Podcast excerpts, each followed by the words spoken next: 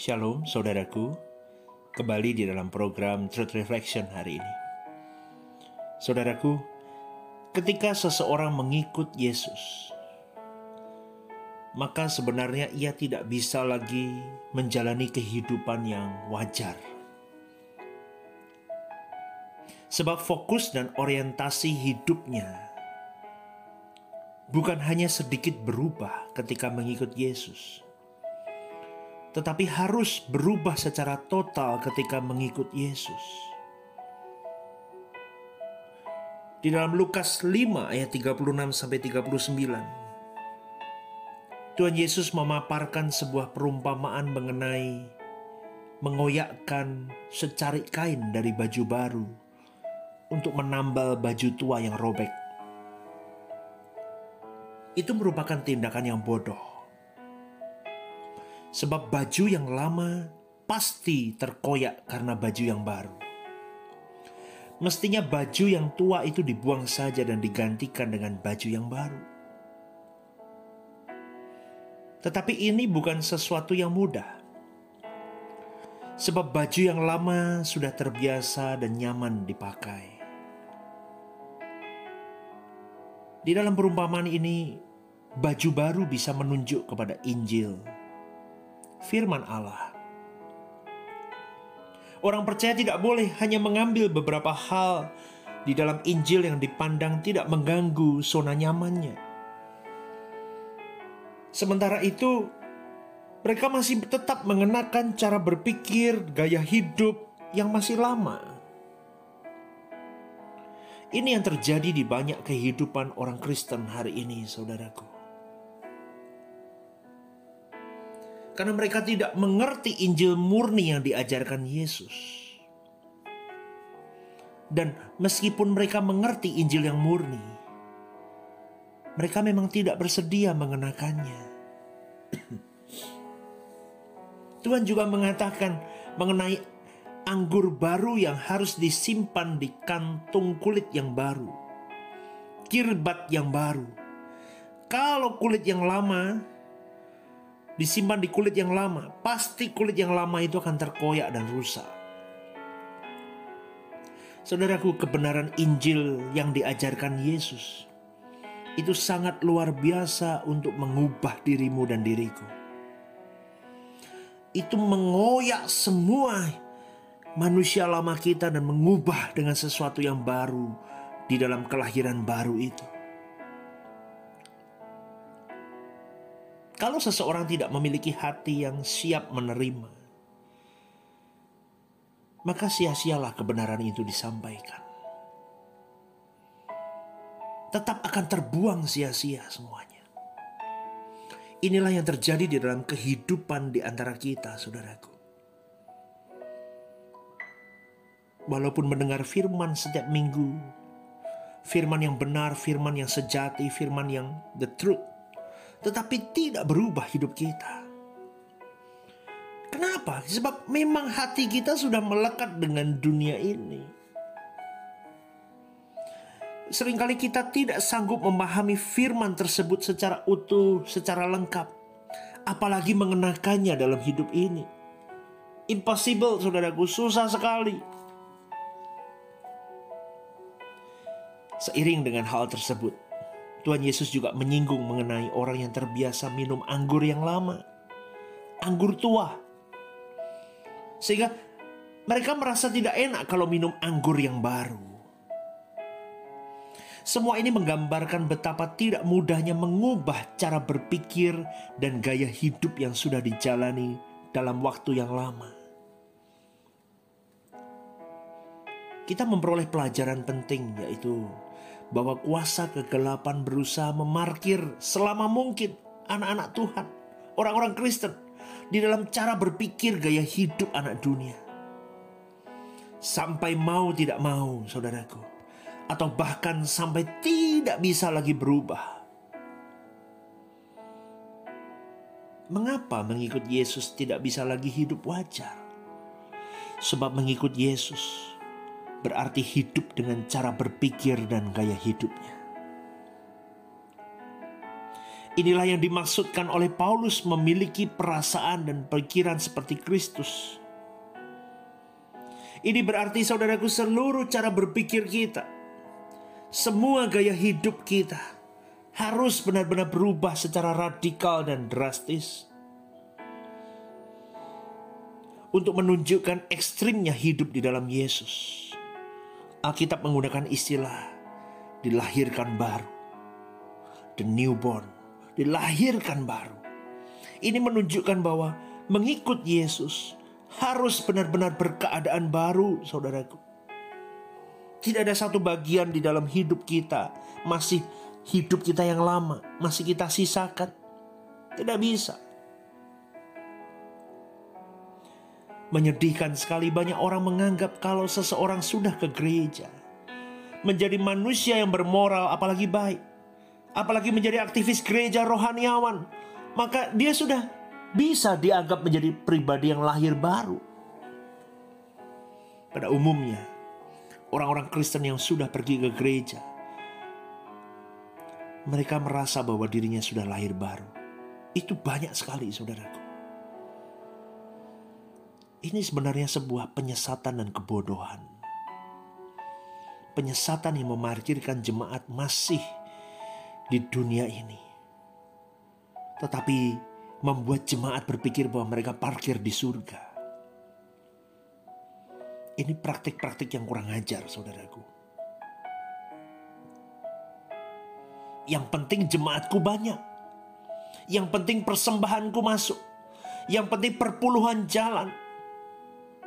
Tetapi mereka tidak sungguh-sungguh mempersiapkan Ke mana kekekalan jemaat itu? Tragis, tragis. Ini bahaya sekali dan ini sudah menyusup ke dalam banyak-banyak gereja.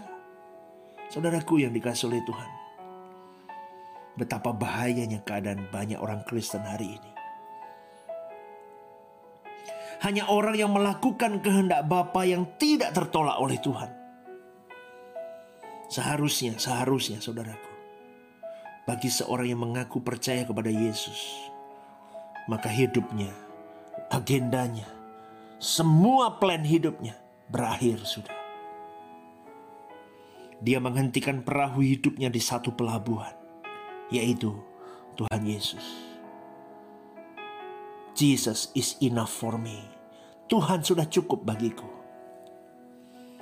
Inilah yang dimaksud dengan kelegaan Aku mendapatkan perhentian dan aku mendapatkan kelegaan di dalam Yesus. Kelegaan di dalam teks aslinya dikatakan sebagai anapauso.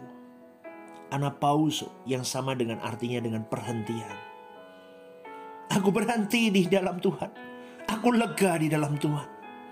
Aku lelah mengarungi hidup ini dengan target-targetku, motivasi-motivasiku untuk mengenyangkan dagingku dan tidak pernah puas.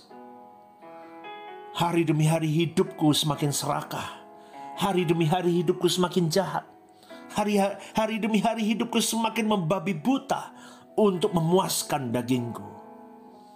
Tetapi aku memiliki anapauso, perhentian dan kelegaan. Ketika aku menerima Yesus sebagai Tuhan dan Juru Selamatku. Dan aku sungguh-sungguh melakukan kehendak Bapa Meskipun secara dunia aku tidak memiliki apa pun hari ini. Meskipun aku tidak memiliki apa pun yang bisa kubanggakan. Tetapi aku puas. Aku lega hidup ini. Ketika aku berjalan bersama dengan Tuhan. Itu seharusnya yang menjadi passion, tujuan orang percaya di dalam Tuhan, saudaraku. Dalam hal ini kita memang harus belajar dari Yesus untuk dapat memperoleh dan mengalami perhentian tersebut. Lord, I belong to you. Aku milikmu. Itu kalimat yang tidak main-main. Kalau engkau milikku, anakku, seharusnya engkau memiliki penundukan diri yang utuh. Kalau engkau milikku, anakku, lakukan kehendak Bapakku seperti aku melakukan kehendak Bapakku.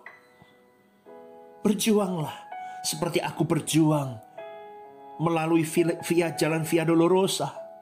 Aku harus berjuang di dalam kekuatanku mengandalkan Tuhan, mengandalkan Bapakku di dalam ketakutanku di Taman Getsemani sampai aku bercucuran darah sekalipun.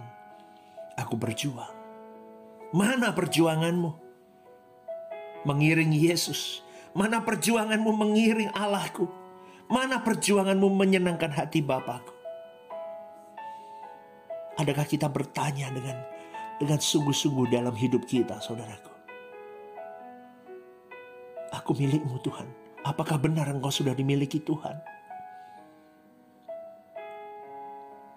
Apakah engkau masih memiliki dirimu sendiri? Saudaraku, Tuhan Yesus pernah berkata, "Belajarlah kepadaku." Tanpa belajar dengan sungguh-sungguh, seseorang tidak pernah mengenal dan mengalami anapauso tersebut. Jadi, jadi ternyata saudaraku, untuk memiliki kelegaan dan perhentian di dalam Tuhan, seseorang harus mengalami pertumbuhan rohani yang benar. Semakin dia dewasa rohani, mereka semakin dapat merasakan dan mengalami kelegaan di dalam Tuhan yang sejati. Dunia dengan segala daya pikatnya, dunia dengan segala keindahannya, dunia dengan segala entertainmentnya, bisa kau miliki semua. Tetapi ingat saudaraku, tidak melegakan jiwamu. Hanya Yesus di dalam Tuhan yang sejati kita mengalami kelegaan yang sejati, saudaraku. Ingat, ingat, ingat. Kuasa kegelapan itu berusaha memarkir selama mungkin dirimu dan diriku di dalam cara berpikir kita, gaya hidup kita seperti anak dunia. Sampai engkau dan saya terjerat, terpenjara, dan tidak bisa lagi keluar dari jerat iblis tersebut. Saya sebagai hamba Allah, saya mau mengingatkan kepada setiap pendengar berjuanglah. Setiap renungan saya saya akhiri dengan kata berjuanglah saudaraku. Karena hidup ini penuh dengan perjuangan. Berjuanglah, berjuanglah. Berjuanglah segenap hatimu. Segenap hidupmu. Apa yang kau kejar hari ini.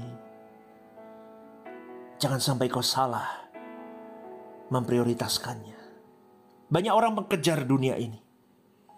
Dia lupa Saudaraku, 70 tahun, 80 tahun. Saya selalu mengingatkan ini dalam renungan saya. 70 to 80 years old only. Kita tahan di bumi ini. Apa yang kau kejar? Apa yang mau kau kumpulkan? Jangan salah prioritas. Kejarlah kekekalan. Sungguh-sungguhlah di dalam Tuhan. Sehingga engkau memiliki kelegaan selama engkau masih hidup di muka bumi ini. Dengan segala keporak-porandaan hidupmu mungkin. Masalah bertubi-tubi. Tidak kunjung usai. Kau harus berjuang, kau harus bertanding dalam hidup ini. It's okay, berjuanglah. Tetapi ingatlah saudaraku. Jerih lelahmu ketika engkau pautkan kepada Tuhan kau akan memiliki kekuatan baru. Kau akan memiliki kelegaan baru.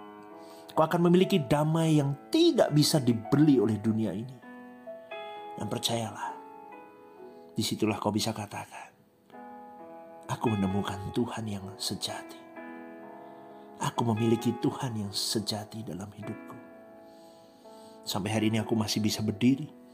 Aku masih bisa tersenyum. Aku masih bisa melakukan banyak hal itu karena hidupku sudah dicengkram dan diperalat oleh Tuhanku. Mari kita masuk dalam doa. Bapakku terima kasih.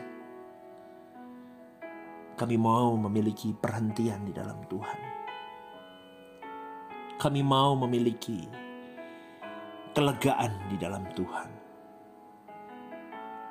Kami mau belajar kepada Yesus, putramu yang tunggal untuk kami terus menjadi pribadi yang bisa melakukan kehendak Bapa secara tepat. Secara tepat. Sehingga engkau berkenan dengan hidup kami. Kami mau berjuang Bapakku. Terima kasih untuk kasihmu yang begitu luar biasa. Terima kasih untuk kasihmu yang begitu luar biasa dalam hidup kami. Terima kasih untuk kami diingatkan melalui renungan ini. Kami memberi yang terbaik yang bisa kami beri selama kami hidup.